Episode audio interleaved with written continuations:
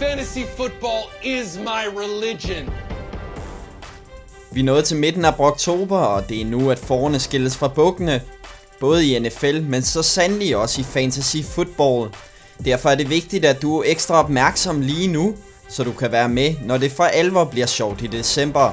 Vi er det ovale kontors fantasy podcast, og vi giver dig et indblik i den verden, vi alle elsker utrolig højt.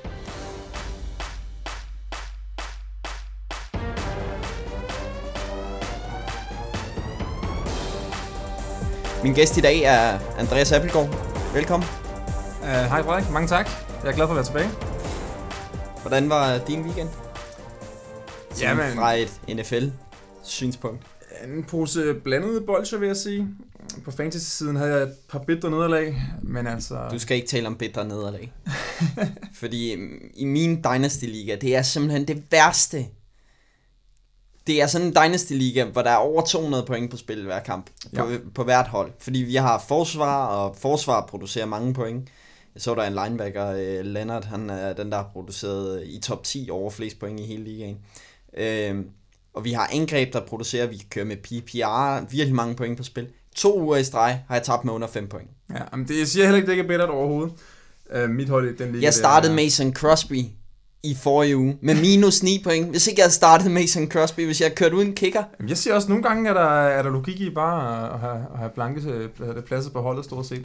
Men altså, ja, det var også det var mere regulær fantasy. Jeg havde et, øh, et, par, et par nederlag, hvor det var... Og det var tæt nok til, at man, øh, man selvfølgelig er bedt over det bagefter, hvor det er bare en enkelt spiller, man lige skal skifte ud en anden eller et eller andet, så har man haft de point, man skulle bruge. Men sådan, som Chargers-fan lige nu, der er det jo 7-13 ganske udmærket. Nu, har du, nu sagde du det der med, øh, at nogle gange kan det betale sig ikke at starte en spiller. Det gør jeg faktisk. Altså hvis man er foran med, ja. med, med 2-3 point, og, og man har mandagskampen, så, bare, så kan man lige så godt bare bænke Ja, ja. spilleren. Altså, det- man ved aldrig om... Øh, er en kigger, for eksempel. ja, eller kan et forsvar, Ja, hvor, hvor det hurtigt kan gå i minus. er der ikke noget, man ved, at jeg er kendt for at fumble rigtig, rigtig meget. Ja. Så hvis den er meget, meget tæt... øh, Adrian Peterson. Ja, men altså... Ja, det er også bare... Men jeg synes, så lang tid, der ligesom ligger en sådan kalkuleret beslutning bag, så er det egentlig okay med mig, at folk gør det. Det skal bare ikke være, fordi de bare for dårlige til at tjekke deres roster. Nej, det er ja. Men ja, jeg, ja, det sker ud. Det er en anbefaling, man kan sende til folk. Lige holde øje, og måske lige bænke en spiller eller to. Ja. Der er selvfølgelig altid stat correction, som man også skal have. Ja, ja, hvis den ligger inden for 0,2 eller sådan noget, så er det måske lidt satset bare. Ja. Ja. Men det talte vi om sidst. Så, øh, så har vi også talt om, at, øh, at vi skal på tur, du og jeg. ja, det er rigtigt. Vi skal en tur til staterne, til Pittsburgh nærmere bestemt, og se, øh, se Steelers mod Chargers. Det bliver blodigt mellem os. Ja, altså det kan...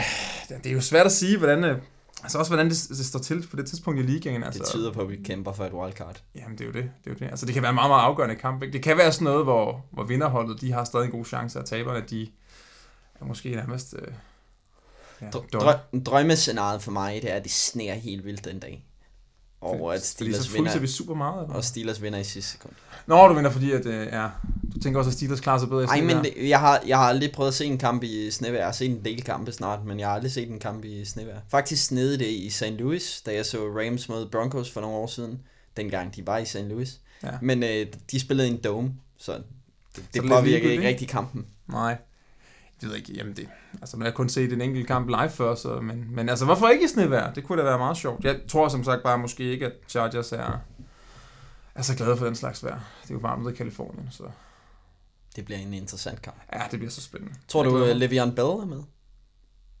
Ja, jeg tør slet ikke udtale mig om det der. Det, øh... Ja, altså hvis han, hvis han melder sig tilbage, så ja. Og det er vel så langt hen, at han skal have gjort det, ellers så har de stadig de der Ja. rettigheder for ham, ikke? Ja. Så øh, må de ikke han er aktiv. Hvor meget så bliver brugt, det må vi jo se. Det er noget, vi øh, taler om lige om lidt. Men i hvert fald, øh, jeg har faktisk set Steelers Chargers en gang før, hvor Le'Veon Bell, han scorede med 0 sekunder igen og hævde sejren hjem. Den startende quarterback i den kamp. Kan du gætte, hvem det var? Steelers startende Ja, det, quarterback. kan, det kan jeg ikke huske. Ja, det har været Rivers for Chargers, jo. Men øh, Michael Vick. den kamp, den er, den er fuldstændig slettet på min hjerne. Jeg kan slet ikke huske det her, men det... Øh, men det skal jo nok passe, når du siger det. Michael Vick. Han, og han spillede elendigt. Han blev også skadet der til sidst. Det var derfor, de endte med at køre et wildcat, hvor Le'Veon Bell løb, hvor han fik snappet selv og løb den ind over. Mike Tomlin mente, at det kunne nås, og så hvis han ikke kom ind, så kunne de stadig tage en timeout. Men der var kun 5 sekunder tilbage, så det kunne overhovedet ikke nås. Åh oh, nej. Ja, Ja, men, de, men Steelers vandt jo, ikke? Steelers vandt. Og Chargers tabte, og Chargers tabte. det er jo sådan, det ofte er i fodbold. Nu, hvor øh, vi har jer, kære lytter, så øh, må jeg huske at minde jer om, at I kan vinde penge ved at tilmelde jer DM i Daily Fantasy på lynholdet.dk. Du til, tilmelder dig inde på Dynasty 2544's Facebook-side. Det gælder om at sætte det stærkeste fantasyhold for weekenden, og hvis du gør det, så vinder du hele puljen. Det koster 20 kroner at være med, og puljen ligger gerne på en 700-800 kroner. Husk også at lytte til vores søsterpodcast, Det Ovale Kontor. Ugens podcast er allerede ude, og de, kigger, og de kigger frem mod de spændende opgør i weekenden. Så giv dem en lyt, men selvfølgelig først efter, at du har lyttet til den her podcast. Og øh, selvfølgelig også abonner på Det Ovale Kontors på din podcast-app. Lad os bare komme i gang med nyheder. Ja. Øh, øh, der er kommet et par skader til quarterbacks. Ryan Tannehill, vi burde jo have Jensen Rasmus, som vi normalt har med som gæst, ham burde vi have i dag, men uh, han sidder over, fordi det er blevet Brocktober. Ja, det er det nemlig. Så uh, nu er det Brock Osweiler, der skal ind og, og, og lede uh, delfinerne. Og man kan sige, at han fik jo en vild, vild start her i, uh, i weekenden. Hvor de uh, ja, først ud til at smide det hele væk, og så alligevel fik chancen igen og vandt kampen til allersidst i Ja. overtime. Jeg var ved at forberede mig på en øh, uge, hvor vi skulle forsvare NFL. Det plejer altid at være sådan, at når Rasmus har lidt bittert nederlag med Dolphins, så er han altid meget sådan, jeg er færdig med NFL. Ja. Jeg afmelder mit Game Pass. Alt det der. ja. Og så, blev, så, så skal man igennem ugen, hvor man ligesom får ham genrejst, og så kommer vi til weekenden, og så er han ellers klar igen, og så lider de et nyt nederlag, og så skal man hive ham op igen. Så det var en øh, stor lettelse for mig, at Dolphins endte med at vinde den kamp der. Ja, det var også en vild afslutning. Det var en øh, rigtig vild afslutning. Bears brænder også et øh, field goal, Cody Park i. Ja, den skulle jeg nok have sat. Men øh, sådan er der jo så meget. Men ja, det vil jo så sige, at altså, nu var Tannehill ude, så... At, ja, jeg ved ikke, hvor lang tid er det, de regner med, at han kan være... Det er uklart, men han er i hvert fald ude i den kommende weekend. Ja, Det kan være alt fra et par uger til resten af sæsonen. Øh, Brock Osweiler, er han aktuel i fantasy football? det, det synes jeg ikke umiddelbart, han er, nej. Altså, det, jeg, jeg, kan, jeg har svært ved at forestille mig, hvad for en liga man sidder i, hvor man tænker, at det lige nu er ens bedste valg i hvert fald at starte ham. Øhm, men selvfølgelig... Ja, medmindre du måske har haft startet Josh Allen eller et eller andet, og han var den eneste, du havde, øh, apropos skader, så, øh, så kan det da være, at du skal overveje det, hvis alle andre har taget. Øh, jeg har også set visse hold, hvor folk bare stacker quarterbacks øh, i år, så det er jo bare også noget, nogen gør, bare for at sørge for, at andre ikke kan bruge dem. Øh, men altså, jeg, det mest det mest i øjenfaldende ved, ved Tannehills, Tannehills skader nu, at Brock er tilbage, det er, at man nu lige skal lægge mærke til, hvem der bliver Brock Osweilers favorite targets. Fordi hvis der er et, det kunne være sådan noget som Danny Amendola, der pludselig får 10 targets i de to første kampe, så er han pludselig interessant at hente ind, selvom Brock Osweiler måske ikke leverer så godt. Så det er jo det, er det man skal lægge mærke til ved nye quarterbacks, de får nye favoritter at kaste bolden efter. Og det kan jo betyde, at øh, Albert Wilson, som ellers havde en fremragende kamp, han kunne også være manden. Ja. han havde en fremragende kamp mod Bears. Øh, Kenny Stills kan tabe værdi, og øh, ja, det er, jo, det er jo sådan noget, man i hvert fald skal lægge mærke til. Ja, jeg vil i hvert fald sige, jeg synes, man skal... ja, Der skal altså, medmindre man er super desperat, så vent lige at se, hvad der sker her. Også, men især hvis du sidder med andre Dolphins-spillere, selvfølgelig, som du siger, så vær meget opmærksom på, om, om de pludselig øh, begynder at score færre eller flere point i forhold til, hvad de har gjort. For så kan det være, at der er en tendens der, man skal være, man skal være opmærksom på. Du nævnte ham før, Josh Allen, han er ude i mindst 2-3 uger. Nogle taler om, at det også kan være hele sæsonen for ham. UCL injury. Ja, Derek Anderson er udpeget som starter allerede. ja, altså det siger vel alt om, hvad de tænker om Nathan Peterman efterhånden. Jeg så lige en stat på Nathan Peterman. Øh, 26 ud af 36 serier har han været inde på. Ikke? Øh, drives.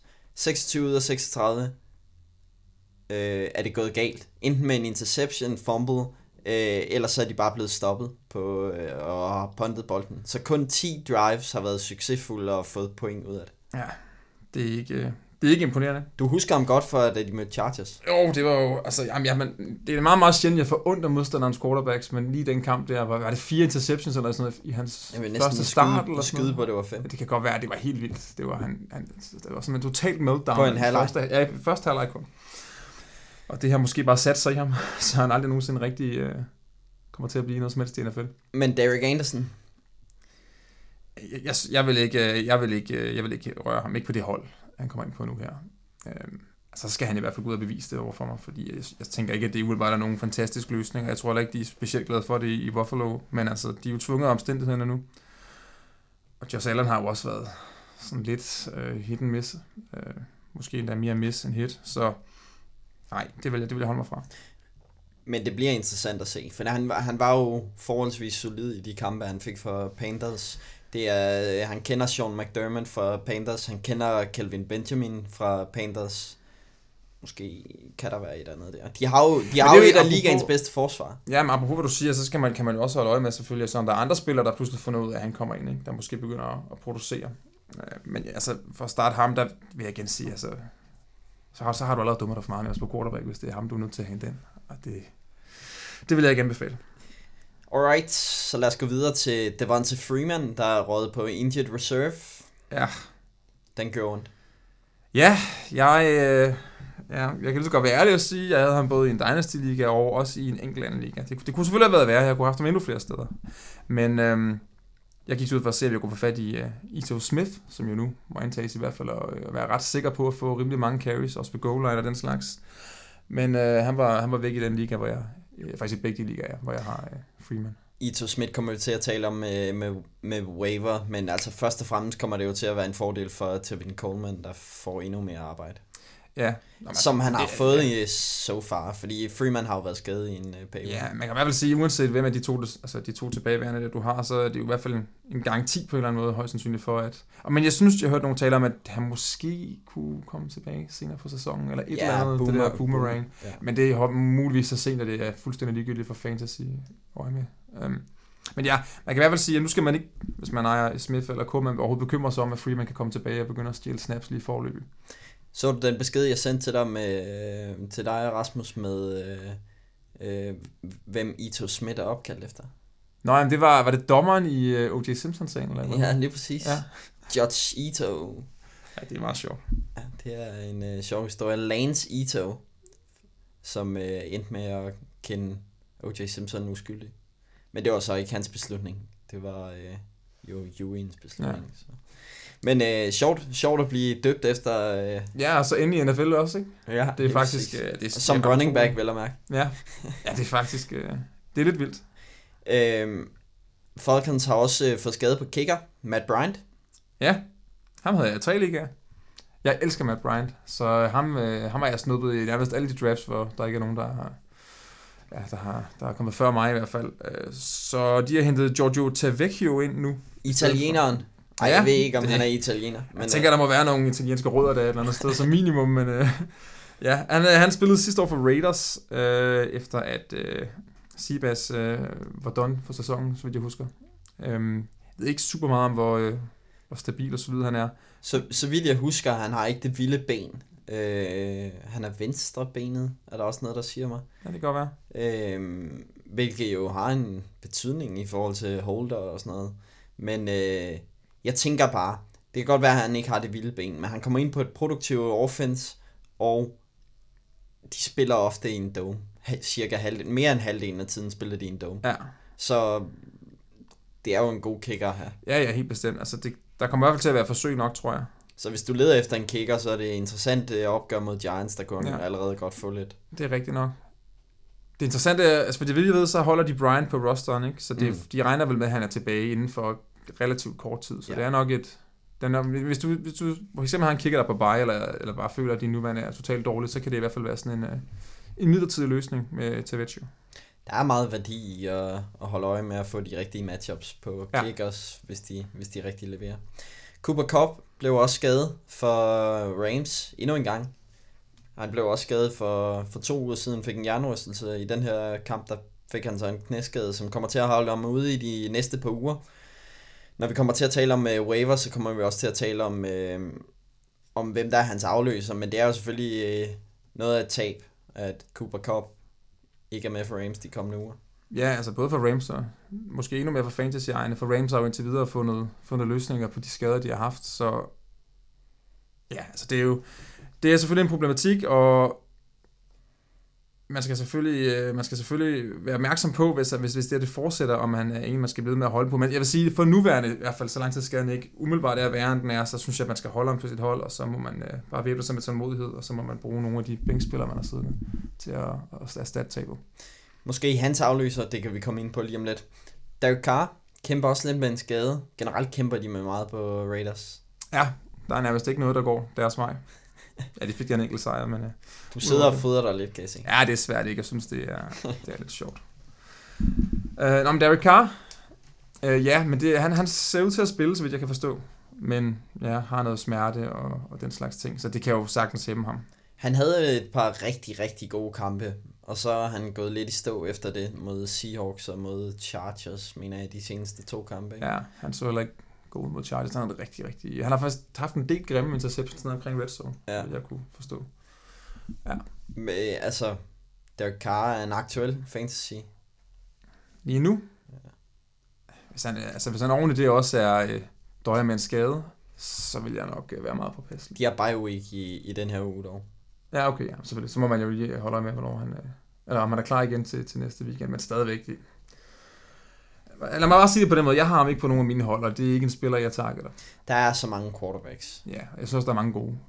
Så derfor så gider jeg ikke noget, hvor det, hvor det virker usikkert. Men selvfølgelig, hvis man igen, det er jo altid, hvis du ender i en situation, hvor du på en eller anden måde får dumme, der ikke har noget, så er han selvfølgelig en, der er værd at overveje, fordi han har jo, og det har vi jo set tidligere, altså han har jo potentialet til at være en rigtig, rigtig god quarterback.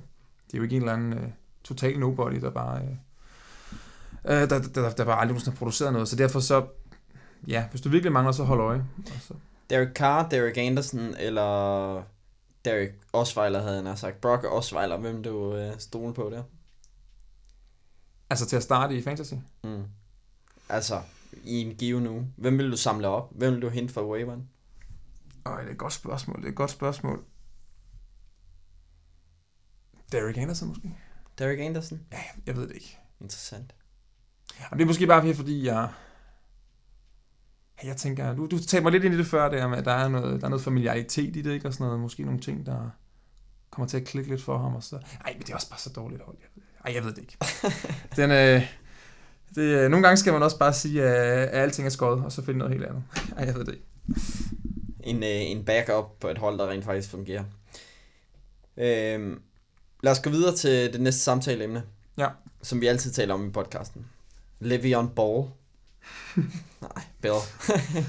Ej, det var fordi, vi øh, spillede Madden den anden dag, og øh, der kunne, kunne man simpelthen draft en receiver, der hed Le'Veon Ball. Ja. Det var vi lidt spændt på. Ja. Vi endte med at få fat i en øh, defensive tackle, der hed Kirk Cousins og var sort.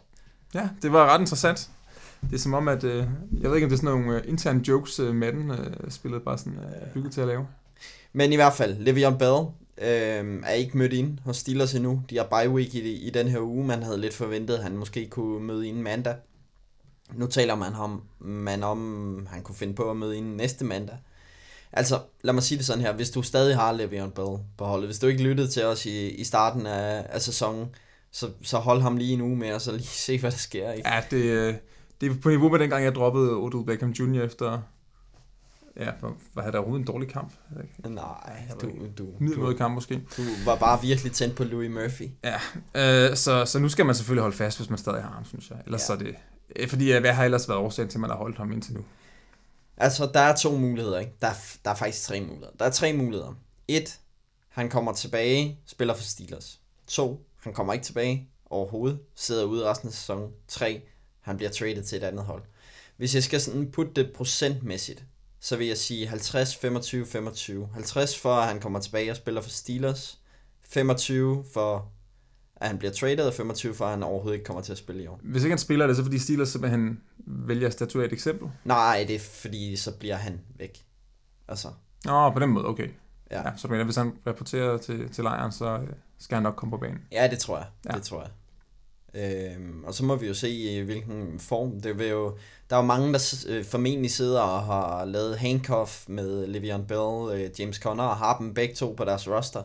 Ja. Øh, som håber på, at han bliver traded til et andet hold. Men øh, nu kan, det er jo så worst case scenario for, for fantasy-ejere, det her med, at nu kommer, hvis Le'Veon Bell kommer tilbage fra Steelers, så kommer han til at splitte det hele op, så Connor ikke får nogen produktiv kamp, og Bell ikke får nogen så produktiv ja. kamp det er den der, når man er, når et hold ligesom har to gode spillere, og de skal dele sig lidt om det, så, ja, så er det svært at være fantasy ejer i, det, i den situation, fordi så, ja, for det første er produktionen bare lavere, men selvfølgelig også, at der er nogle kampe, hvor den ene måske øh, har the hot hand, og så får han rigtig, rigtig meget, og så andre kampe, hvor den anden får det, og så vælger man tit de forkerte.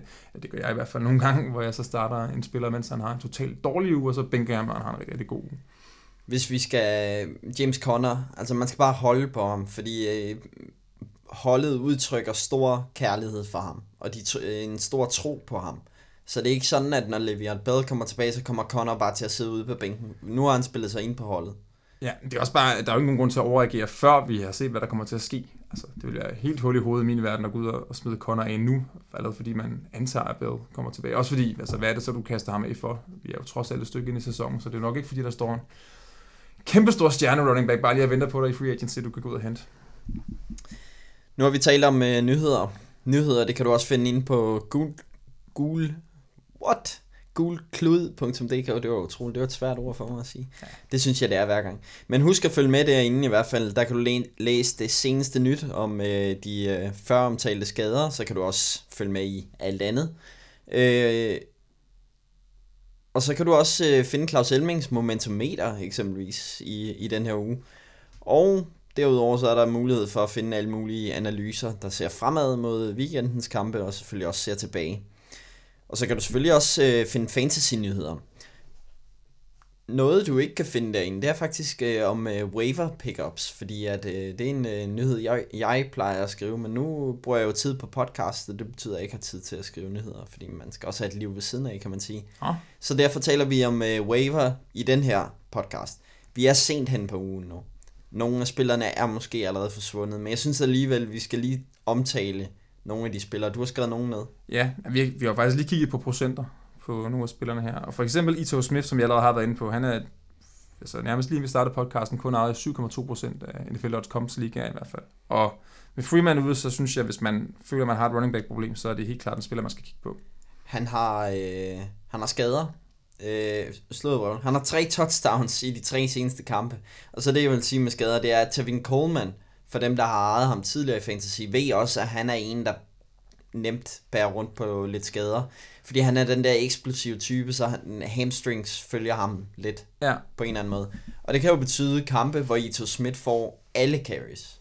Og det er jo faktisk øh, en ret rar situation at være i som fantasy ejer med det Falcons offense, vi har set i år. Men altså, ja, det, øh, det er i hvert fald mit, øh, mit sådan klare første øh, øh, pick her, hvis jeg skulle gå ud og, og takke en helt specifik spiller. Det er at få fat i Ito Smith, hvis du kan. Uh, selvfølgelig måske, hvis du har fire stjerne running back til forvejen, så er det ikke så vigtigt, men hvis ikke du har det, og det er nok de færreste, der har, så synes jeg, det er et rigtig, rigtig godt pick-up. Det er også mit øh, første valg, vil jeg sige. Jeg har skrevet øh, Josh Reynolds fra Rams. Vi, vi taler om, om ham i, i sidste uges podcast med, med Rasmus, da han gik øh, Josh amok med tre forskellige slags jaws. Men øh, det er blevet endnu mere aktuelt nu, hvor Cooper Cup ind, altså, er skadet og er ude i de kommende uger. Rams kører, så vidt jeg husker, med tre receivers mere end 80% af tiden. De har Brandon Cooks, de har Robert Woods, de mangler den tredje mand. Det er Josh Reynolds. Hvis han kommer på banen 80% af tiden, eller måske, lad os bare sige 70% af tiden, så kommer han til at få masser af targets og masser af spilletid. Øhm, masser af yards. Så øh, også godt matchup mod 49ers. Jeg synes, man skal hente Josh Reynolds ind, og afhængig af, hvem du har på dit roster, så er det lige før, jeg vil starte ham. Ja, det lyder som en rigtig, rigtig god anbefaling. Det er godt, du køber en der. Ja, men altså, Rams, det er, øh, det er sådan, øh, jeg ved ikke, det er sådan en guldkalven lige nu, eller et eller andet, ikke? Greatest show on earth, turf. Ja, det, ja, det, jeg ved ikke, hvad man skal kalde det. Skal måske heller ikke være sådan for meget efteræben med af det gamle Greatest show on turf. Du har skrevet flere på. Ja. Øhm, jeg har skrevet Peyton Barber, running back fra, øh, fra Tampa, hvor han vel reelt set er starteren. Det er sådan lidt, øh, han har ejet i cirka halvdelen af ligaen, eller lidt mere end det faktisk, og det er sådan lidt med Tampa Bay. Jeg synes altid med det hold, at det er, det er svært at regne ud, hvad det kommer til at ske. Øh, men det er igen, vi er på et tidspunkt i sæsonen, hvor det er meget, meget svært at gå ud og få fat i nogen, der er, der er 100% sikre valg, og som kommer til at levere, uanset hvad der kommer til at ske nærmest. Ikke? Så hvis du kan få en, der ligner en starter på nuværende tidspunkt, og du har problemer, og det er der jo nogen af os, der har, for eksempel hvis du har mistet det var til Freeman, og du ikke fik fat i Ito Smith, så kunne Peyton Barber være en, en anden mulighed, hvis du mangler en, der kan gå ind og, ja, og have chancen for at levere nogle point til dig. Du så jo uh, Chargers mod Browns. Ja. Kan man løbe bolden mod Browns, som Buccaneers møder i weekenden?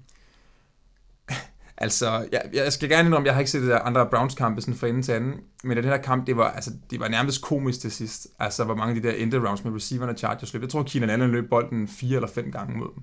Og de kunne ikke stoppe ham nogen gange. Jeg tror, der var en penalty den ene gang, der trak et 20 yard løb tilbage eller sådan noget, men det var, altså, det var som om, de bare gav op på et tidspunkt også. Og det, og det var jo ikke kun det, det var også bare, de, altså, Gordon og Eckler kunne egentlig også bare gøre, hvad der passede dem det meste af tiden.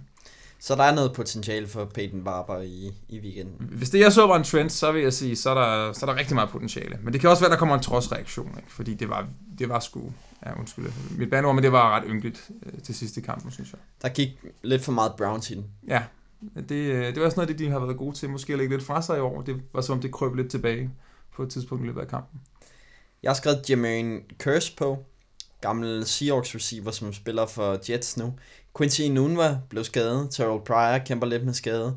Det betød Jermaine Curse, han fik 10 targets i den seneste kamp. Og jeg siger ikke, at han kommer til at få det samme antal targets i de kommende uger. Men det er bare en god pegefinger, når du, øh, når du kigger på, hvem du skal samle op på waveren. Jeg kigger ikke så meget på... Vi talte om det øh, faktisk inde i programmet. Du nævner uh, Tyrell Williams ja. fra, fra Chargers. Han havde jo en monsterkamp mod uh, Browns, men jeg er sådan lidt skeptisk, når han kun får fire targets. Ja. Jeg, jeg ser meget på, på targets, fordi det er lidt mere holdbart på længere sigt.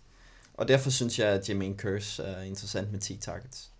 Ja, og det er jo ikke fordi, han nødvendigvis er sådan en world beater, men situationen er rigtig lige nu, ikke det, altså med skaderne der, så er den vel det, så, så kommer han jo til at få, få en del bolde kastet sin vej, og så kan der være god produktion. Bare det for indskyde noget i forhold til Tyrell, det er, det, jeg er helt enig med dig i, at det er jo meget ustabilt. Han er jo mere sådan en, hvis du sidder og tænker, mit hold har simpelthen bare ikke nogen, der nærmest kan lave mange point. Så er han sådan en, du kan tage en flyer på en uge, hvis du, hvis du, hvis du mangler noget, og så kan du satse på, at det lige er den kamp, hvor øh, ham og Rivers, de, de har en forbindelse eller en god connection, ikke? Også fordi de jo tit sætter ham dybt, så på den måde, så når han så endelig har øh, kampe, hvor han griber bolde, så er det ofte for mange yards og eller touchdowns. Ja. Har du skrevet flere på?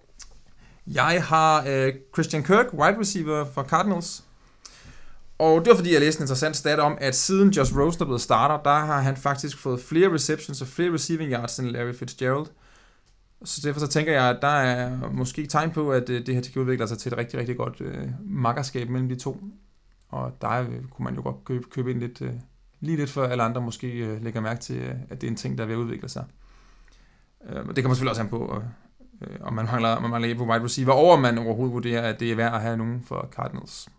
Jeg vil faktisk sige det sådan, at øh, han er spændende, Christian Kirk, og får gode targets og har, har fine stats de seneste uger. Det betyder jo igen meget det der med kemi og alt det. En anden, hvis vi bliver ved Cardinals, Ricky Seals Jones, som der var meget hype omkring øh, uh, Titan øh, tidligere før sæsonen. Han har faktisk efter, at Josh Rosen er kommet til, har han fået uh, meget opmærksomhed, og ligger faktisk nummer 3 i targets på Cardinals efter uh, Fitzgerald og uh, Christian Kirk. Så hvis man har brug for en target, så uh, en tight end. Tight end target. En tight end target Øhm, så er Ricky Seals Jones en, hvor pilen peger op af PT. Ja. Det er jo lidt interessant. Hvis man kan få noget af Cardinals, så, øh, så er jeg bare all for it. Så det synes jeg, man skal overveje. Vi taler lidt om deres, deres defense øh, om lidt. Men øh, nu er det jo sådan, at øh,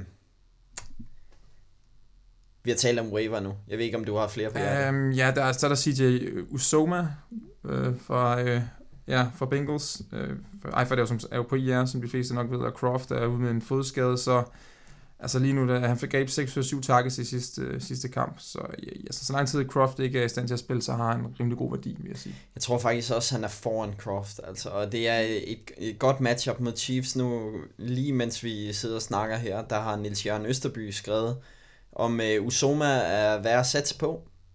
Han, han efterspørger også, at vi taler om forsvar, men... Uh, vi, vi taler om forsvar, men vi taler ikke om forsvarsspillere i dag, men vi kommer til at tale om, øh, om forsvar. Ja, det gør vi. Så øh, det kommer vi ind på, men han spørger om Musoma at være sat på. Altså han spillede godt mod Steelers, og det er igen et rigtig godt ja. matchup mod øh, Chiefs. Det synes jeg, han er. Det er ofte svært med Titans. Der er altid sådan, virker det som om nogle få stykker, der, der bare leverer og er rigtig, rigtig gode, og så alle os andre, der ikke får fat i dem, vi skal nærmest kæmpe en ugenlig kamp med at prøve at finde ud af, hvem det, monstruer, der kan levere nogle point til os. Men igen, Og jeg, der synes jeg, han er et godt bud lige nu. ja, det, det er også bare en god regel at gå efter tar, øh, tight ends, der, der, der er på gode offenses. Ja. Og Bengals offense er altså god, øh, ser god ud i år. Så. Ja. Jeg har, bare, jeg har allerede et hold, hvor jeg har både Joe Mixon og Tyler Boyd, så jeg er faktisk lidt bange for, om det er det hold, jeg også har tegnet problemer på, fordi øh, det begynder også at blive lidt meget, hvis jeg skal til at, at starte tre Bengals-spillere. Er det der, vi mødes i NFL Geeks? Uha, det, er- det er muligt faktisk. Nej, jeg tror, det er en anden liga, hvor jeg har store tegneproblemer. Jeg kan ikke lige huske Okay. præcis. Ja. Øhm, ja, jeg ved ikke, jeg har ikke umiddelbart flere uh, waiver pickups. Nej, det er jo sådan, at øh, vi er nået til uge 7 i fantasy. Det betyder, i fantasy football, der er vi halvvejs i regular season.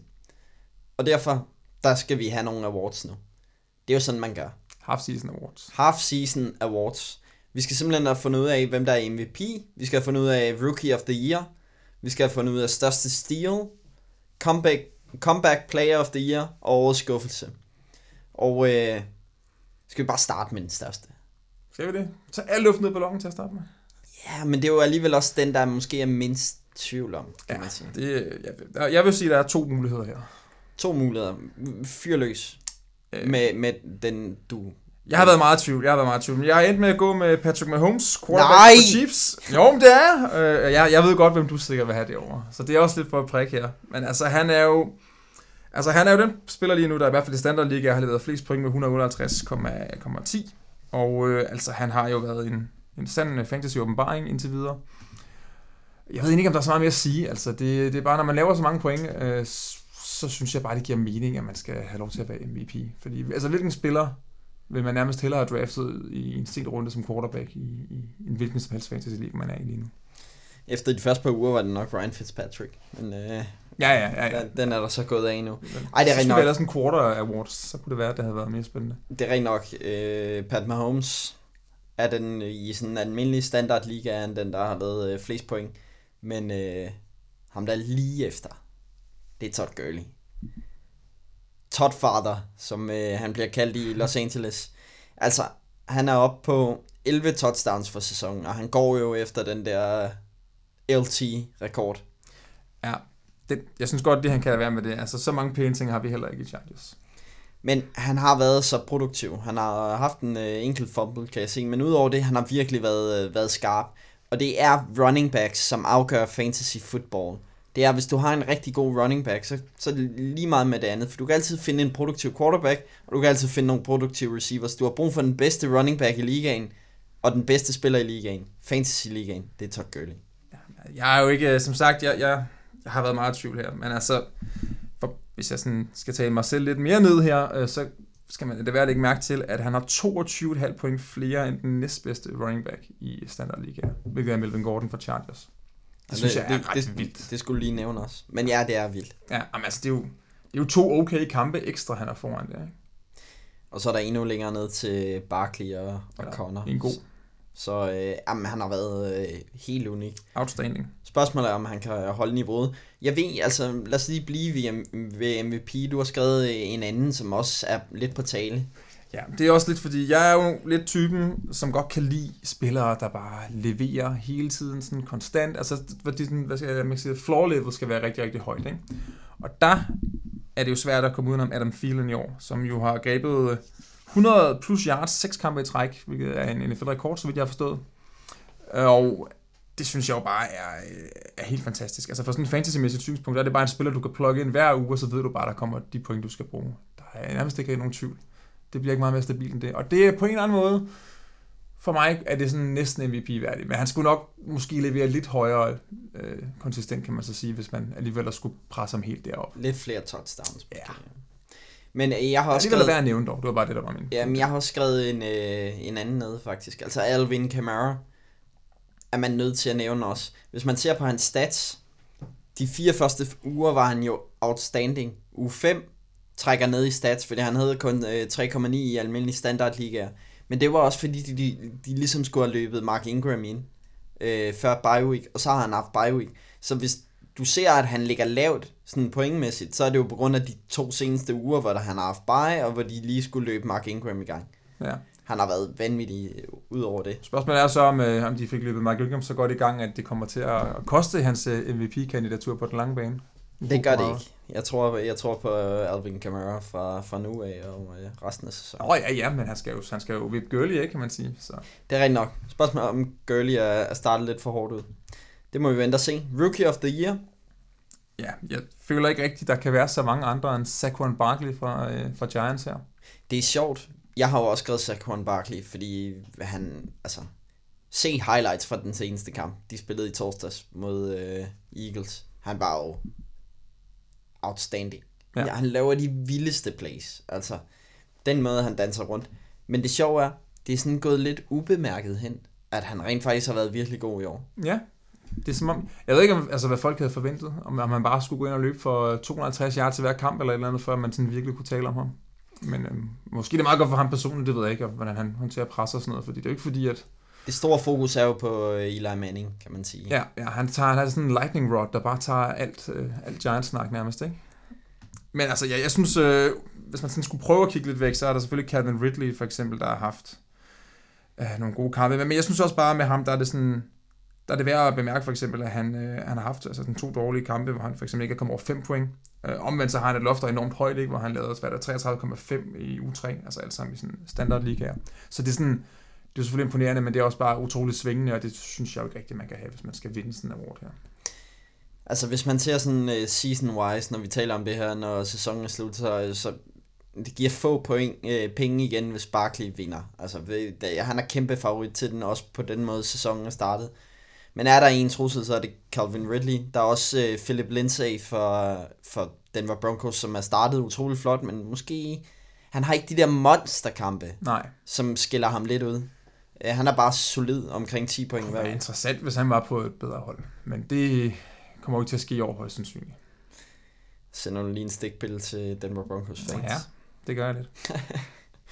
det var den Super Bowl for nogle år siden, de skal slet ikke bokse. Lad os tage årets skuffelse. Uha. Ja, det er jo sådan en lidt mere... Øh, måske også på nogen måde en lidt mere personlig kategori, fordi for mig, der er det Robbie Anderson, wide receiver for Jets. Og så kan folk måske sige, at han virkelig været så stor en skuffelse. Og ja, det synes jeg faktisk, han har. Han havde lige en god kamp, ikke, hvor han greb, hvad var det, tre bolde eller sådan noget, eller var det to bolde øh, eller i alt, eller sådan noget, på touchdowns. Og lavede en masse point. Men nu startede du ham der? Nej, der sad han selvfølgelig på bænken, og det gjorde han, fordi han har leveret hvad 0,7, 0,2, 1,8, 3,9 i de fire første uger. Øh, eller nej, ja, undskyld, i, øh, i, i fire uger, ikke i de fire første nødvendigvis her.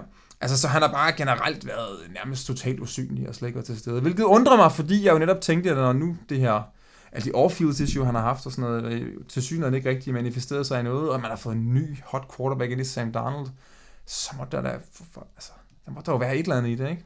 Øhm, for han har jo set rigtig, rigtig god ud, for eksempel sidste sæson, når han, når han var på banen. Men åbenbart ikke. Åbenbart ikke. Så øh, der blev mit... Øh, selvfølgelig har jeg ikke taget ham super højt, men alligevel, jeg havde virkelig tiltro til, at jeg skulle have fat i en rigtig, rigtig god øh, VR2, eller måske 3, hvis det er den slags liga, man spiller i der, lidt sent i draften, og det har jeg overhovedet ikke fået. Det kan være, at Robbie, An- Rain, Robbie Anderson, han banker på til den sorte bog. Han bliver indstillet snart. Ja, altså, men det, man skal måske også passe på ikke at sådan overreagere på det, men altså... Du har lige call, kaldt ham overskuffelse. Jo, jo, men altså, han er, han er stadig ung, ikke? Hvis han var 38 år, så var jeg klar på at smide bogen, ikke? Men, ej, jeg ved det ikke, jeg ved det ikke. Det er også fordi, jeg er stadig lidt uklar på, om de der folk kan komme ud af den bog igen. Jeg synes, vores, øh, vores, vores regler omkring det er sådan lidt, øh, lidt uklare. Alright. Jeg har måske også øh, valgt lidt personligt, men det må for mange være det samme. Le'Veon Bell. Han har 0 fantasy point i den her sæson. Altså, det, det er fandme skuffende i forhold til, at han øh, gik den number 2 overall. Ja, han er, i, jeg er lige så god som Le'Veon Bell i år faktisk i fantasy. jeg siger det bare. Det er også. Ja. Men øh, ja, Le'Veon Bell, han er simpelthen en overskuffelse. Han kan selvfølgelig stadig nå at vende rundt på tingene. Spørgsmålet om han overhovedet kommer på tavlen. Måske ender det uafgjort mellem dig og Le'Veon Bell. Oh, det vil være, det vil være lækkert. Hvis nu du lige får et opkald igennem over til Arizona Cardinals, kan jeg lige få et carry? Ja, jeg skal bare have, jeg skal bare... Så skal du ikke have minus yards. Måske kan jeg få lov at sneak den eller et eller andet. Så de tager en enkelt yard der. Ja. Okay, lang arm. Nå, ja, men det... Men Le'Veon Bell, det er... Forventningerne var som altid høje, men øh, han, har, han har skuffet. Jeg var faktisk i tvivl om, jeg skulle sige Le'Veon Bell, men det er jo lidt en no-brainer.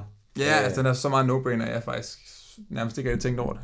Øh, jeg har også skrevet øh, Gronkowski, synes jeg ikke helt har leveret op til, altså han har været nogenlunde produktiv, men han har faktisk kun et touchdown i, i den her sæson. Så har jeg skrevet David Johnson, men, Han har været okay, altså. Det, men i forhold til, at han går nummer 3 ja. overall. og der, Vi taler om Todd Gurley, der fører ligaen suveræn. ja, det er fordi, man har forventninger om, at han skal være deroppe omkring. Ikke? Han skal være sådan en girly type. Så på den måde, så øh, ja, det, det er jo- skal jo alle sammen, altså man er nødt til at se det sådan lidt relativt i forhold til, hvad, ja, hvad forventningen var på vej ind i sæsonen, fordi det er jo det, man skuffer i forhold til, kan man sige.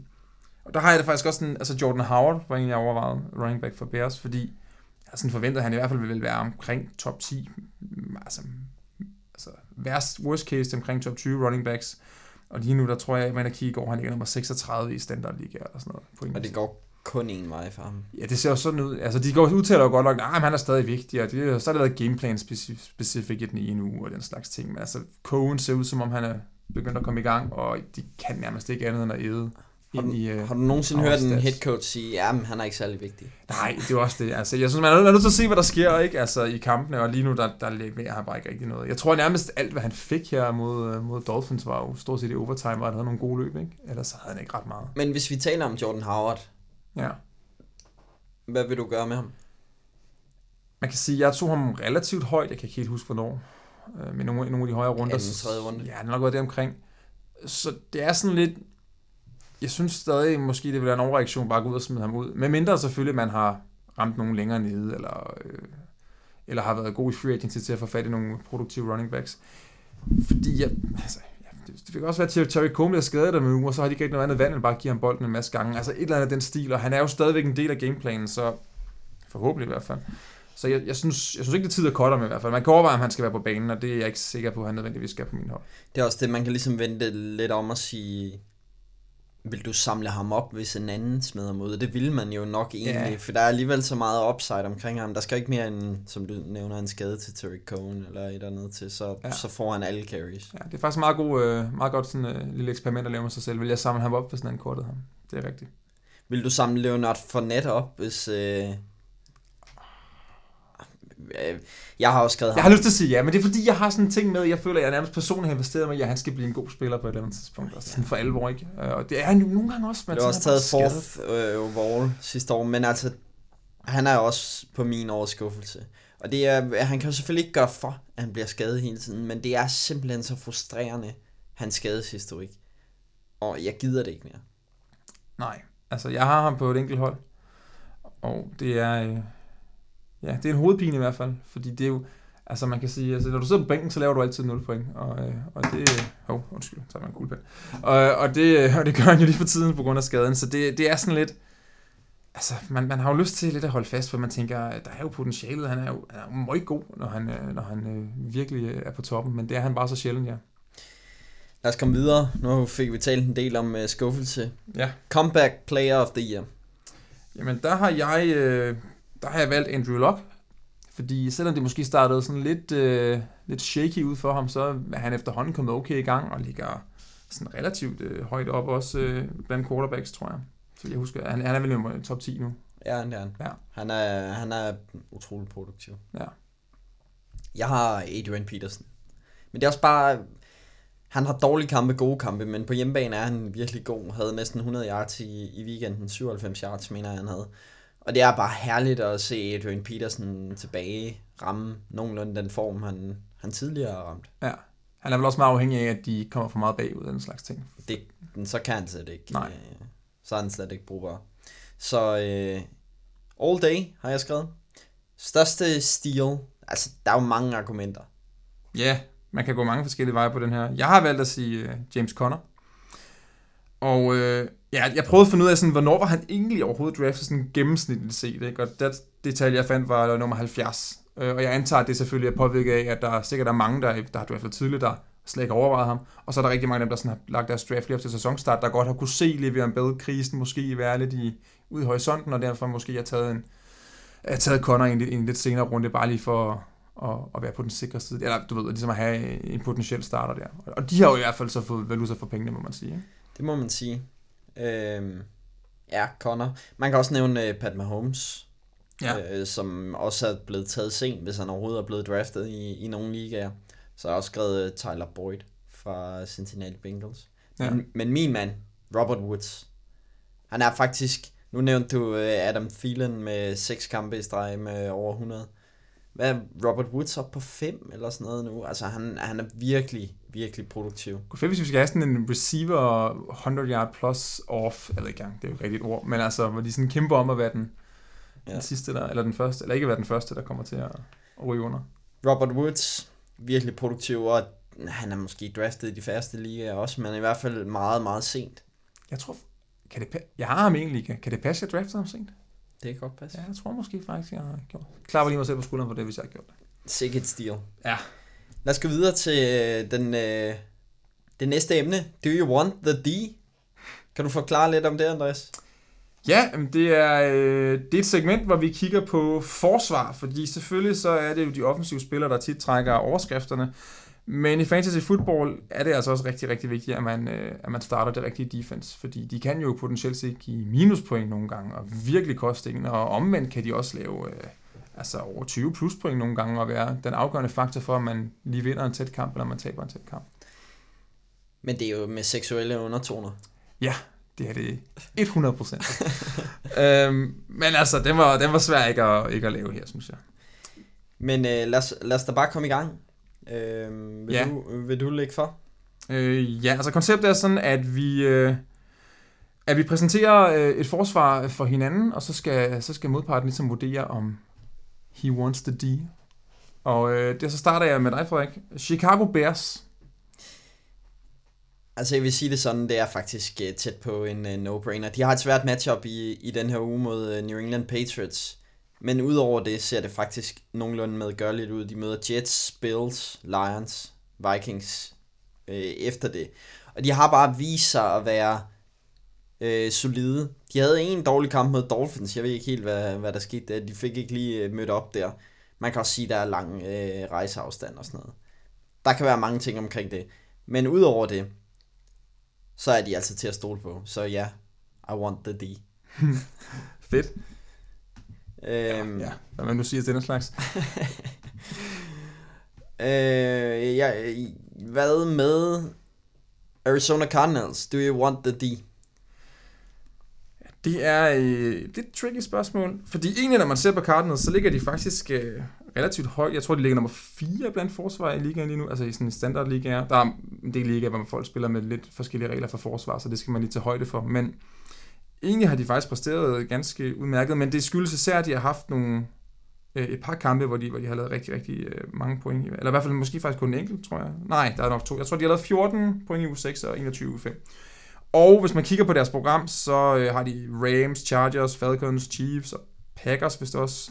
Øh, Så der, der kommer til at være nogle, nogle hold der, der potentielt kan sætte rigtig mange point på tavlen, og hvor de måske ikke øh, får det så nemt. Så jeg tror, jeg vil svare, nej, I don't want the D. Du vil ikke have Cardinals uh, D der. Ikke lige her, nej. Nej, det er, jo, det er jo, som du nævnte, det er to rigtig gode uger, så resten har været sådan lidt uh, halvt samt. Det, det er rigtigt. Nå, Jamen. hvad? Ja, Nej, go for it. ja men ja, det kunne være, der var mere interessant uh, Cardinals stil snak her. Men um, vi går videre til det næste hold så. Uh, Frederik Palle, uh, Jets, do you want the D? Det er jo meget sjovt med Jets, når man ser på øh, pointmæssigt, så er Jets faktisk det forsvar i øh, afhængig af, igen, hvordan pointene bliver fordelt, men i standardliga er de nummer et i øh, det mest øh, produktive pointmæssigt forsvar. Og de har faktisk gode matchups. De møder øh, Vikings i den her uge, som måske kan godt være lidt tricky. Det er dog på hjemmebane. Så møder de Bears, Dolphins, Buffalo, og så har de bye week. Det er virkelig gode matchups, og det er virkelig interessant med øh, New York Jets. Så ja, I want the D. Cool. Jeg ved ikke, jeg skal seriøst finde på noget bedre at sige, når du, når du siger det der. Men øhm, det, det giver jo egentlig det giver meget god mening. Men det er lidt sjovt, fordi jeg ved ikke, hvor mange der egentlig tænker over, at Jets faktisk er øh, en, en ret god mulighed på forsvaret i år. Men de er jo solide også fordi, at de, det er vigtigt for offense at holde på bolden og holde forsvaret væk fra kampen. Altså de vil jo gerne have gang i Isaiah Correll og øh, selvfølgelig øh, Sam Darnold. Og det, det er bare en fordel for, øh, for øh, Jets forsvar. Vi har talt lidt om det der med, at hvis angreb er meget eksplosive. Det bedste eksempel i år er jo Kansas City Chiefs. Måske endda også lidt Los Angeles Rams. Hvis de er meget eksplosive, så er det sværere for forsvaret i hvert fald øh, at, at holde dem helt til nul. Ja, og de, ja, fordi de de vil jo ofte selvfølgelig ikke få så meget tid, selvfølgelig. Man kan også sige, at hvis angrebet er super dårligt og bare går tre ud hele tiden, så kommer du også hele tiden på banen, ikke? Men altså, dem der, der er i stand til for eksempel få løbespillet til at køre nogenlunde, og have nogle relativt lange drives, de giver selvfølgelig deres forsvar mulighed for at spare noget energi ud på bænken, og så komme ind igen og være klar. Nogen, der har været rigtig gode til det, har været Jacksonville Jaguars, men de er gået lidt ned i gear. Do you want the D? Uha, øhm, ja. Jeg må starte med at sige ja. Det, det vil jeg stadigvæk godt. Øh, Jeg, er der jo sådan, altså man kan godt være lidt, øh, lidt nervøs for, at de for eksempel i en kamp har lavet minus et point i år. Men jeg synes stadig, at man skal holde fast i, at altså, det, det er et forsvar, der, der, der burde være rigtig, rigtig godt. Og de burde kunne komme i gang igen. Og de har nogle kampe mod Coles, Titans, Redskins og Dolphins. Altså jeg, jeg tænker især mod, øh, mod, mod Titans, og måske også mod Redskins, hvis de kan komme foran, som vi snakker om før, måske, og sådan noget, så, så tror jeg, at de kan, de kan få nogle, nogle rigtig fine kampe. Så, så ja, men jeg, jeg vil være lidt nervøs, altså, fordi det, det er selvfølgelig, de er helt på nummer 19 i standardliga lige nu, og det er selvfølgelig ikke godt nok for sådan et hold, og det er nærmest ikke siden u 1, de virkelig har været leveret noget, hvor de lavede 12 point. Men der er bare noget, jeg, jeg, jeg tror bare, der er kvalitet nok stadigvæk på, det, på den, den defensive roster der til, at jeg vil ikke give op på dem endnu. Måske med mindre jeg lige kunne gå ud og snuppe Jets selvfølgelig, så, øh, Ja, Så kan man overveje det. Så du vil tage Jets over Jacksonville? det, er- det, er- det, jeg har næsten lyst. Jeg har næsten lyst til at gøre det. Der er bare øh, lidt højere upside omkring Jacksonville. Altså, Ja, ja, man kan altså- godt få den der 25 point. Ja, og det er man tænker, og man tænker også, hvis det klikker for dem, ikke? og de sådan finder tilbage til at være så gode, som vi ved, de kan være, så, øh, så, er de jo, så er de jo nok muligvis næsten det bedste forsvar her. Ikke? Lad os gå videre. Ja, øh, og så er det jo mig. Øh, Frederik, øh, Broncos, do you want the D? Normalt vil man jo altid have Broncos D. For at være helt ærlig. Øh, men... Øh, og det er altid nogle af dem, der går først i draften og sådan noget, på grund af Von Miller, og de har haft godt kasteforsvar. Ja. I år er de helt ved siden af sig selv. Øh, jeg hørte, der var nogen, der talte om, øh, at de måske fuldstændig har, har tabt lysten, efter på grund af Case Keenum, han, han ikke leverer på offense. Øh, fordi at det var, Denvers forsvarsspillere, de var meget, nogle af dem der, Brandon Marshall, Von Miller og sådan nogle, var nogle af dem, der var meget fortaler for at få fat i uh, Captain Kirk Cousins, som endte med at ryge til Vikings. Og nu, når Cam, øh, Case Keenum ikke rigtig leverer, så, så rammer det ligesom øh, hele holdet, og så kan det være, at de taber lysten. Og de har altså nogle svære matchups. De møder blandt andet øh, Chiefs og Houston inden for de kommende tre uger, og de møder også Chargers og Steelers. Så selvfølgelig, I don't want the D. Ja, jeg, jeg, synes, øh, jeg synes, det er nogle, øh, nogle, fine pointer, du laver der. Lø- løbeforsvaret har også sejlet fuldstændig for Denver Broncos. De øh, tillod over 200 yards til Todd Gurley, og han er god, men altså over 200 yards, så er der noget galt med forsvaret også. Ja, det, det kan næsten ikke komme med på, hvad running backens styrker, der gør det. Philadelphia Eagles, Andreas, do you want the D? Endnu en, jeg synes er sådan lidt, øh, lidt tricky, lidt tricky. De startede meget godt u 1, hvor lavede de 10 point. Så lavede de 10 point igen i den her uge, så indimellem har de været sådan lidt... Ja. Øhm, de har nogle problemer i, med, med, med secondary, måske, øh, øh, de har en skade på deres øh, safety, hvad det, man hedder? Øh, McLeod. Der var den. Øh, jeg, jeg har skrevet ned et sted på mit papir, men jeg har simpelthen lavet så mange noter, jeg ikke engang kan, kan, kan finde rundt i det selv nu herovre. Men de har nogle kampe, altså for eksempel, de, de, møder, de møder Saints, som godt kan gå ind og blive lidt grimme, men så har de også for eksempel Giants og Cowboys og Redskins, hvor man tænker jo, altså det er en division, at det, det kan der egentlig godt være noget potentiale i. Så jeg vil, jeg vil våge pelsen og sige igen, baseret på, at jeg, jeg føler, der er, altså, der er kvalitet på det forsvar, hvis først de får det til at fungere. Så yes, I want the D. Eagles, Jacksonville. Hvem vil du tage der? Eagles, Jacksonville, Jets. Mm, så tager jeg Jets. Du tager Jets! Så tager Jets. Nå, spændende. Ja. Nå, lad os gå videre. Lad os det. Nå, øh, Frederik, Patriots, do you want the D? Man ser jo gerne, at uh, Patriots forsvar viser sig at være forholdsvis solidt, sådan jo længere hen man kommer i sæsonen. Uh, det er ligesom Bill Belichick og hvem der nu end er defensiv koordinator. øh, det har tidligere været med Matt Patricia, de ligesom får det indstillet og rettet til, på trods af, at de øh, bliver ramt af skader og så videre.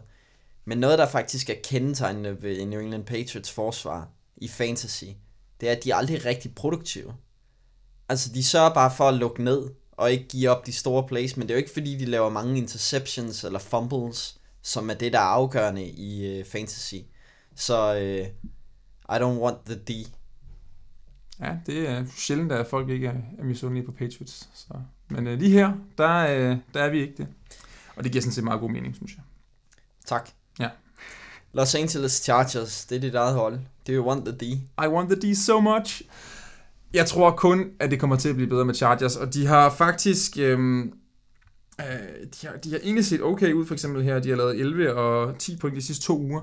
Og det, man skal bemærke her, er, at Corey Legit kom tilbage på D-line. Han var ude med en suspension i starten af sæsonen. Og siden da, der har det set meget bedre ud. Det er som om, at der er begyndt at komme lidt pres, øh, hvilket selvfølgelig hjælper utrolig meget. Det vil også sige, at secondaryen får lidt nemmere ved at se god ud. Og hvis Joey Bosa kan komme tilbage, og det seneste, der er kommet ud i dag, det er, at han muligvis er klar, nu skal de møde Titans her i, i London, og så har de en bye week, og muligvis derefter kan det være, at han er tilbage på holdet. Og hvis han kommer ind og er altså, den Joey Bosa, vi, vi, vi har set spille i de sidste par sæsoner, så, øh, så tror jeg, det kan blive rigtig, rigtig skræmmende. Altså, både for øh, deres modstandere, men også for dem, der du møder der i fantasy, hvor du har Chargers på, på holdet. Fordi så kan det være sådan nogen, der, der godt kan gå op og levere øh, en 20-pointskamp, hvis alting klikker. Og de har også gode matchups de kommende uger. Øh, ja, altså du, øh, de kommer selvfølgelig til at møde øh, Raiders igen på et tidspunkt, det er jo altid noget, men øh, de har, jeg tror det er Titans, Seahawks øh, og øh, Broncos kommer der også, ja. Og det er jo alle sammen hold, hvor man tænker, der, er, der kan de godt lave point. Jeg tror, det bliver lidt sværere mod slutningen af sæsonen. Der er jo ja, blandt andet Pittsburgh-kampen, vi skal overse, og de Ravens og Bengals, hvis det også. Så der, altså, der kan det måske... Øh, måske blive lidt problematisk, men på den anden side, øh, lad os nu lige se, hvordan det går her i de næste par Men altså, jeg, jeg, synes, at, øh, jeg synes bestemt, at ja. Jeg tror, det, det er et sted, og de er sikkert også ledige en del steder, kunne jeg forestille mig, fordi de jo ikke har været flyvende fra sæsonstarten af. Så hvis du sidder og tænker, at dit forsvar underpresterer, så, øh, så gå ud og hente dem ind. Yes. Øh, ja. Øh, Frederik, Browns, do you want the D? Browns forsvar startede jo sæsonen rigtig godt. øh, men havde så en dårlig kamp her mod, øh, mod Chargers. Generelt set har de været øh, utrolig gode på hjemmebane, og knap så gode på, på udebane. I de kommende to kampe, der møder de Buccaneers og Steelers på udebane. Det lyder som to kampe, der godt kunne være ret skidt for, for forsvaret. Og så tænker man, okay, så får de to hjemmekampe i streg.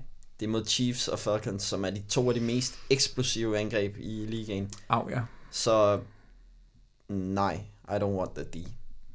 Altså, jeg synes, den er, den er rimelig oplagt. Browns defense har, har masser af potentiale og masser af talent, men matchups gør, at de ikke er interessante i, i, i hvert fald i den kommende tid. Ja. Og jeg er baseret på den kamp, jeg så dem spille her sidste weekend, så vil jeg også være, være, være lidt, uh, lidt tilbageholden med lige at gå ud og hente dem ind lige nu, tror jeg. Legion of Boom, Seattle Seahawks. Do you want the D? Nej, I don't want the D. Det er lidt svært med den her dog, synes jeg også igen. Altså, jeg synes jo nærmest om dem alle sammen over Chargers åbenbart, men de har egentlig, øh, de har egentlig præsteret øh, udmærket, synes jeg, når man sådan kigger på det, men det er igen, der er, der er et par uger, hvor de har lavet 15 og 17 point, og sådan øh, stikker lidt af på den måde, og, og derfor ser ret gode ud.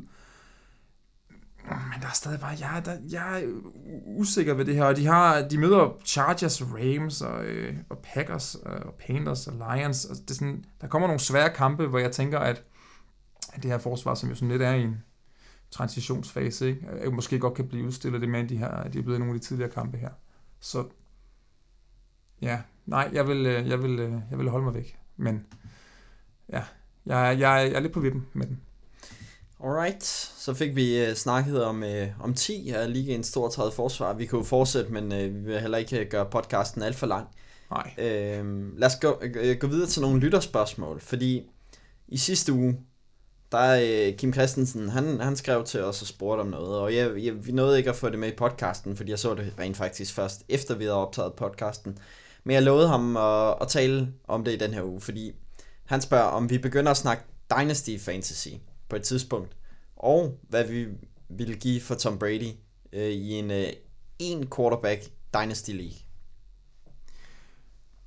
Ja, altså om vi begynder at snakke mere Dynasty, det øh, er nok ikke så meget øh, mig, der lige bestemmer det. Men øh, jeg kan godt kommentere på det med Tom Brady. Jeg vil øh, ikke give ret meget. Altså, han er jo ikke, så vidt jeg lige kunne se på, på tallene, han er ikke en top 10 quarterback, i hvert fald ikke selvfølgelig standardliga lige nu. Og han er, altså igen i Dynasty, hvor du holder spillerne, han er jo gammel, og på et eller andet tidspunkt, så, jeg ved godt, han er Tom Brady og alt det der, men altså, det, der kan ikke være så mange år igen. I hvert fald ikke, jeg vil ikke give, jeg vil ikke give nogen, jeg, jeg føler er en god produktiv spiller, som er ung. Det vil jeg, det vil jeg aldrig nogensinde gøre. Nej, Så skal, altså, det også, så skal det være en eller anden, du ved, lidt gammel spiller måske, hvor man tænker, hvor mange år der er tilbage, og er jeg lidt stærk på den position i forvejen, og Altså, for jeg antager, at det er fordi, at man... Øh, hvad, undskyld, hvad var det, han hed igen? øh, Kim Christensen. Jeg antager, det er fordi, Kim mangler... Måske mangler en quarterback ret meget i den her situation. Øh, eller... Men der er så meget. Altså, jeg ved godt, i uh, Dynasty League, der er alle quarterbacks formentlig optaget, men så vil jeg hellere betale mindre for en anden quarterback, end prisen kan blive presset op i forhold til Tom Brady. Ja, man kunne godt være bange for, at folk vil, vil sætte prisen ret højt, så man ender med at overbetale i hvert fald. Og det vil jeg ikke gøre for Brady. Altså, risikoen er jo, at Tom Brady... Man ved ikke med Tom Brady. Men der er jo en risiko for, lad os sige, at han vinder Super Bowl, og han så siger, det var det. Nu har jeg de seks ringe, og så har jeg ikke behov for mere. Ja. Øhm, fordi nu kan jeg ikke have alle ringene på en hånd, eller et eller andet. Øh, Det er grunden til, at han stopper karrieren. man ved det ikke. Der er i hvert fald bare en risiko, om manden er over 40 år. Så hellere gå efter en anden quarterback. Helt enig. Øh, Jeg synes, jeg synes det... Ja, det kommer selvfølgelig an på, øh, nu er der jo noget helt konkret sådan tilbud lige her, vi kan forholde os til, men altså, det, det skal ikke være ret meget. Det, det vil jeg helt bestemt sige. Fordi du, du køber noget, der højst sandsynligt ikke kommer til at, at hjælpe dig i ret lang tid, hvis du sådan skal se på den længere bane også. Vi har også fået øh, andre spørgsmål. Vi har fået et spørgsmål fra Christian Sønderup, der spørger, øh, hvem dropper jeg? Han skal af med en øh, spiller, fordi han mangler en kicker. Han har Royce Freeman, Aaron Jones, Jordan Howard, Peyton Barber eller Will Fuller, som han vil af med. Hvem vil du droppe af, af de fem? Jeg tror, jeg vil droppe Royce Freeman. Den er svær. Altså, altså, ja, den er, jeg kan ikke til man- mig at sige Peyton Barber lige nu, kan jeg det? Nu har jeg lige så sagt, at man skal samle ham op, ikke? Nej, men det er rigtigt nok, men ud af dem, altså, der er meget upside omkring Aaron Jones, som ja. gør, at man skal holde ham. Vi har lige talt om Jordan Howard. Will Fuller er der jo også det der, han har gået lidt i stå de senere uger, men der er jo stadig, han har kæmpet meget med skader og sådan noget. Ja. Hvis han, han kommer ind i den rytme igen, hvor han griber touchdowns hver kamp, der er simpelthen for meget upside til at smide ham ud også. Altså, det står mellem de to, ikke? Så står de mellem de to. Jeg vil nok holde Royce Freeman og smide Peyton Barber, men du er på den modsatte side, fordi du lige har sagt, at man skal samle Peyton Barber op. Ja. Og der skal man selvfølgelig lytte til, til mig. Men, men ja, ja, Royce Freeman, problemet med Royce Freeman er, at han er ikke særlig god i kastangrebet, og han virker til at være bag efter Lindsay. Han får nogle goal line situations, men, men det virker så, at de tror mere og mere på Lindsay. Jeg tænker bare, der er mere upside i Barber et eller andet sted. Måske også mere risikabelt. Det kan være, at det er jo boks, ikke? Hvem ved, altså om to uger, så... øh, Ronald Jones, som de to i anden runde, får mere og mere opmærksomhed. Ja, Den, den, den, er, ja, den er lidt svær, men Den- det en af de to i hvert fald. Men i så fald, øh, P. Bjarnum inde på Twitter, han, han har simpelthen svaret på Christian Sønderup, og han siger, øh, smid en af de quarterbacks, du har, fordi han har også sendt et billede af sit øh, hold, og øh, han har Matty Ice, Matt Ryan, øh, Carson Wentz og Big Ben. Uha, Vil du hellere smide en af de quarterbacks? vildt nok. Men det er det, jeg snakker om, det der med at stack quarterbacks. Ja. Det ved jeg ikke, det er selvfølgelig også, så, øh, så, så er der ikke nogen andre, der kan få dem. så på den måde, men øhm, ja, det, jeg vil, to er nok normalt max, hvad jeg, hvad jeg kører med, men jeg vil ikke smide Matty Ice ud i hvert fald. Jeg vil heller ikke smide Carson Wentz, jeg vil smide Big Ben. Jamen, Han så, er, øh, han er for ustabil. Altså, han har været god i år, ikke? Nogenlunde produktiv yardsmæssigt. Men det er det der med udebane og hjemmebane. Det spiller stadig en rolle. Han er god ude. hvad er det også, er en god Dynasty League, og kommer jeg til at god tænke på, at dårlig der er jo ung. Ej, det her er ikke en Dynasty League. Nå, var det noget andet? Det er en anden liga. Gud. Ej, jeg kan ikke, jeg kan ikke følge med. Men jeg vil også, øh, hvis jeg skulle smide en quarterback, ville jeg også smide Big Ben. P. Bjarnum, som også svarede på den anden, han har også øh, skrevet øh, T.Y. Hilton. Han træner øh, fuldt med igen. Men hvor sikkert et kort er han? Er han en sikker starter? Hvis han er skadesfri, så ja, synes jeg. Ja. Altså, som i, hvis han kommer på banen på sådan, åh, han er på 80% og sådan noget, så ja, det er altid sådan lidt Jeg vil sige det sådan her. med. Jeg er ikke sikker på, at jeg vil starte ham i weekenden mod Bills. Han kommer til at spille over for Tredavious White, som er en sublim cornerback. Og der er et eller andet med, jeg hader at starte spillere, når de lige er kommet tilbage efter en hamstringskade. For der, det sker så ofte, at de er kommet tilbage en uge for tidligt, og så går de ud i pausen, eller måske endda før det. Ja, så rådet er, øh, hold ham på bænken den her uge. Og, og hvis, så start ham resten af sæsonen. Ja, medmindre han bliver skadet, eller det ser fuldstændig skrækkeligt ud, eller et eller andet. Jeg ved det ikke. Ej, men T.Y. Hilton har været god i år, og Andrew Luck ser også stærk ud, som, ja. Som vi har talt Ja. om. Det, øh, Øhm, det, er, det er værd at starte ham, ja. Efter den her uge. Der er kommet, Jakob Teilmann, han har sendt et øh, billede af, af sit hold, og spørger, om, øh, om der er forslag til ændringer. Og, øh, han har faktisk også sendt et billede af sin bænk. Den, øh, fordi vi talte om det inden, og jeg, kunne- jeg kunne ikke finde et billede af bænken, men han har sendt et billede af sin bænk. Vi taler om holdet. Carson Wentz, quarterback. Lad os bare holde den. Han har, har været så utrolig heldig af både Gordon og Gurley. Det Han er simpelthen de to bedste running backs. Ja, det, det, det kan ikke gå galt med det hold der, vil jeg sige. Øh, så har han på wide receiver Tyler Boyd, Golden Tate og Marquise Goodwin. Og så har han Gronkowski på tight end, Greg the Leg som kicker, og Rams defense. Vi taler om Golden Tate, Ja. Goodwin. Det, det er vel der, hvis der er noget, så er det måske på receiver. Nu, nu ved jeg jo så ikke, hvad der sidder på bænken, så det bliver sådan... Det kan du så høre. Jared Goff sidder herude og luner Han bænken. skal ændres på receiver. Nej, men han kunne godt starte over Carson Wentz. De møder 49ers. Han har haft to dårlige uger, men det er jo ikke ens betydende med, at øh, altså, det er virkelig godt matchup mod 49ers. Ja. Jeg tror, jeg vil starte Goff over Wentz. Det er ikke dårligt både at have Goff og Wentz. Nej, jamen det, øh, ja, det, det øh, hvad, hvad, hvad er der med Eagles møder lige nu? Eagles møder Panthers. Ja, så er jeg faktisk med på din, øh, på din anbefaling. Smid Goff ind. Så har han Greg Olsen. Vil du starte Greg Olsen mod Eagles over Gronkowski, som øh, møder Bears? Åh, oh, den er faktisk lidt tricky. Gronkowski er kun er det et enkelt touchdown eller sådan noget? Start Gronk.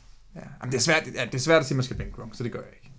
Man skal heller ikke tage overtænke tingene for meget nogle gange. Så har han to spillere på bye week, dem øh, kommer vi ikke ind på, så kommer der alt for mange spillere. Han har en running back også, Bilal Powell. Og så har han øh, Kiki Kute fra Houston Texans, og så har han Cooper Cup, som er ude. Så det er egentlig kun Bilal Powell og Kiki, som, øh, som er aktuelle, og Kiki møder Jacksonville. Risikerer bare at blive en meget lavt scorende kamp. Ja, jeg synes, der, der vil jeg ikke pille noget. Så det, så det er quarterbacken, vi siger, hvis der er noget, man skal... Og Bilal Powell, du vil ikke starte ham over Goodwin eller Golden Tate. Altså, men sådan, øh, det er så flexen. Ja. Ja. Møder Vikings. Ej, jeg Nej, tror, nu havde Goodwin også en god kamp og sådan Ja. noget. Det, nej. Jeg tror, jeg vil øh, ændre golf, og så er det det. Ja. Øhm, skal lige se. Der er kommet et spørgsmål mere her, mens vi har siddet og snakket. Der var defense, defense, defense og Usoma, der har vi snakket om. Så spørger NOXX11. Jeg går ud fra, at det er kendetegnende for en uh, Super Bowl, New Orleans har vundet en gang. Nå, øh, starter man David Johnson mod Broncos. Jeg har også øh, Heinz fra Colts, Jordan Howard og Corey Clement. Men vi har jo talt ja, om, Ja, det, det gør man. Bron- Broncos defense er jo elendigt, Dem kommer han til at løbe lige igennem. Og så dårligt igen er hans stats heller ikke. så det gør man. Ja. Jamen, øh, det var lytterspørgsmålene. Så lad os øh, komme til det sidste punkt. Ugens matchup, startbænk. Yes. Øh, lad mig starte. Det er Sean Watson mod Jacksonville Jaguars. Start. Oh. Ej, men jeg synes, jeg er nødt til at være lidt konsistent med det, her, fordi jeg ved godt, jeg sagde, at man skulle holde forsvaret og sådan noget før, men altså, de, nu var de helt nede i sækken her. Jeg tænker, øh, Det er på udebane. ja, men, det er, en, det er mere nok mere en mavefornemmelse, end det er, end det er en logik på det her et eller andet sted. For jeg, jeg kan også, det kan også sagtens gå rigtig, rigtig galt. Så, øh, hvis, hvis I har en øh, mere sikker quarterback derude, folkens, på jeres hold, så, øh, så ikke lyt til mig her. Alright. Øh, øh, Taylor Gabriel mod New England Patriots. Bænk. Det der med, at han har, han har haft to gode uger, det er bare sådan en, øh, så hopper alle med på den. Det er sådan en klassisk receiver, der bare lige leverer lidt. Jeg tror ikke på ham mere. Ej, jeg er også hård, jeg tror ikke på ham. Ja, vi får se. Men vi- man kan sige, at vi får altid se i fantasy. Det er jo det smukke ved det et eller andet sted. Det er rigtigt. Ja. Adrian Peterson mod Cowboys på hjemmebane. Start. Fordi det er hjemmebane. Og så, og så bed til guderne, eller de højere magter, eller hvad man nu tror på om, at de de kommer okay for land og ikke kommer meget bagud, for så forsvinder han nok helt ud af den gameplan. Ja. Øh, Philip Lindsay mod Arizona Cardinals. Start. Og øh, nu vores podcast, den kommer formentlig først ud efter øh, Thursday night, men Ja, det skulle jeg måske have tænkt over. så kan I se, om jeg får ret i hvert fald. ja. Nå, øh, Matt Brader, han har kæmpet lidt med skader. Den her uge møder han Rams. Tricky, ja. Jeg siger bænk. Bænker ham. Jeg ved ikke. Faktisk, en af de fantasy-kampe, jeg tabte her i sidste uge, var fordi jeg bænkede Brader og startede Stefan Dix på flexen. Det skulle jeg ikke have gjort. Så hvis jeg skal tage lære min egen øh, fejl i fortiden, så skulle jeg måske starte ham, men jeg, ja, Rams så stadigvæk lidt sådan ikke helt på toppen. Jeg har ikke, jeg bruger mig ikke rigtig om det. Du siger bænk. Ja, også fordi Rams offense, tænker jeg, altså hvis de går op og leverer en masse point, så er de pludselig, så er der ikke tid til, at han skal løbe bolden rigtig meget, så de er nødt til at kaste og sådan noget, ja. Ja, hvis jeg siger begge. Uh, Keenan Allen mod Tennessee Titans. Start. Den er Nå, svær. Ja, men han har, ikke, han har ikke været den Keenan Allen, man havde håbet på, men han så bedre ud mod, mod Browns. Han bliver en vigtig brik mod Titans, fordi jeg tror, det bliver svært at, at flytte bolden, og så kommer Rivers til at kigge meget mod Keenan Allen. Ja, det er nok rigtigt. De har en god kemi. Mark Ingram skal til Baltimore sammen med Saints og møde Ravens. Ej, begge. Jeg, jeg ved godt, han havde en god kamp, og det der inden øh, der spy, men, men alligevel, det, det er Ravens, altså. De, Ravens er et tough defense, specielt på hjemmebane. ja. Og også især, fordi jeg kan meget stadig ind, altså. Jeg antager, at han kommer øh, mere ind i gameplanen den her gang, så, så nej, det, det, det vil jeg ikke. Øhm, øh, vi kan blive lidt i, øh, i samme boldgade. Ravens defense mod Saints. Start. Ja. Jeg tror, Ravens vinder den der. Og jeg tror, at uh, Breeze får sig en, uh, en slem overraskelse. Så uh, ja, start Ravens defense. Start Ravens defense hver evig eneste uge. Ja. Uanset matchup. Jamen, vi, havde dem slet ikke med, havde vi det? Nej, Nej, men det, så nu fik vi talt får om vi det. lige den bonusinfo her. Det var 11 forsvar. vi Ja, ja. Golden Tate at Miami Dolphins. Den er lidt tricky for mig.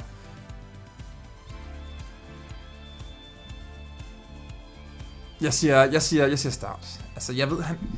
Men det er også bare... Jeg er i Golden Tate igen. Det, det er sådan en spiller, jeg, jeg har ham selv på det min hold. Og den rigtig gode kamp, han havde, der havde jeg på bænken. Og jeg tror nærmest, jeg har startet ham alle andre gange. Altså, fordi jeg tænker, nej, nu må jeg få det. Og så tænker jeg, nej, nu er jeg også træt af det, og så bænker jeg ham igen.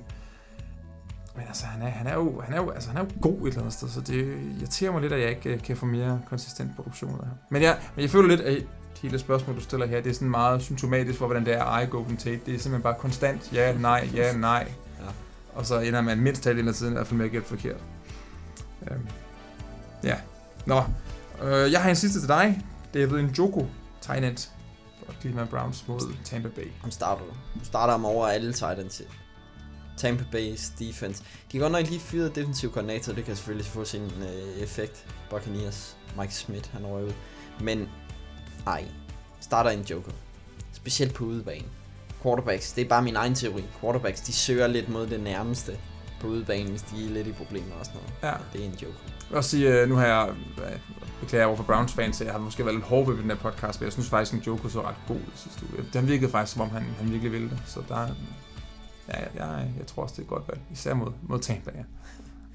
Alright, jamen øh, så kom vi igennem det. Det betyder også, at vi er nået til vejs ende i podcasten i, i denne uge. I må selvfølgelig ikke holde jer tilbage, hvis I har øh, nogle spørgsmål, noget kritik, noget ros. Ros selvfølgelig vil vi rigtig gerne høre, men vi vil også gerne høre de andre ting. Specielt spørgsmål. Det er altid sjovt at diskutere øh, fantasy football. Og øh, så håber vi, at, øh, at det er en mærkelig uge for mig, weekend for mig jo. De har bye week Steelers. Det er den mærkeligste uge i NFL. Kan det være, du kan få udrettet et eller andet hjemme i lejligheden eller noget, i stedet for at sidde og se fodbold? Jeg tror, min hustru vil sætte pris på, at jeg ikke ser så meget fodbold. Ja. Ja. Det, det må vi se på.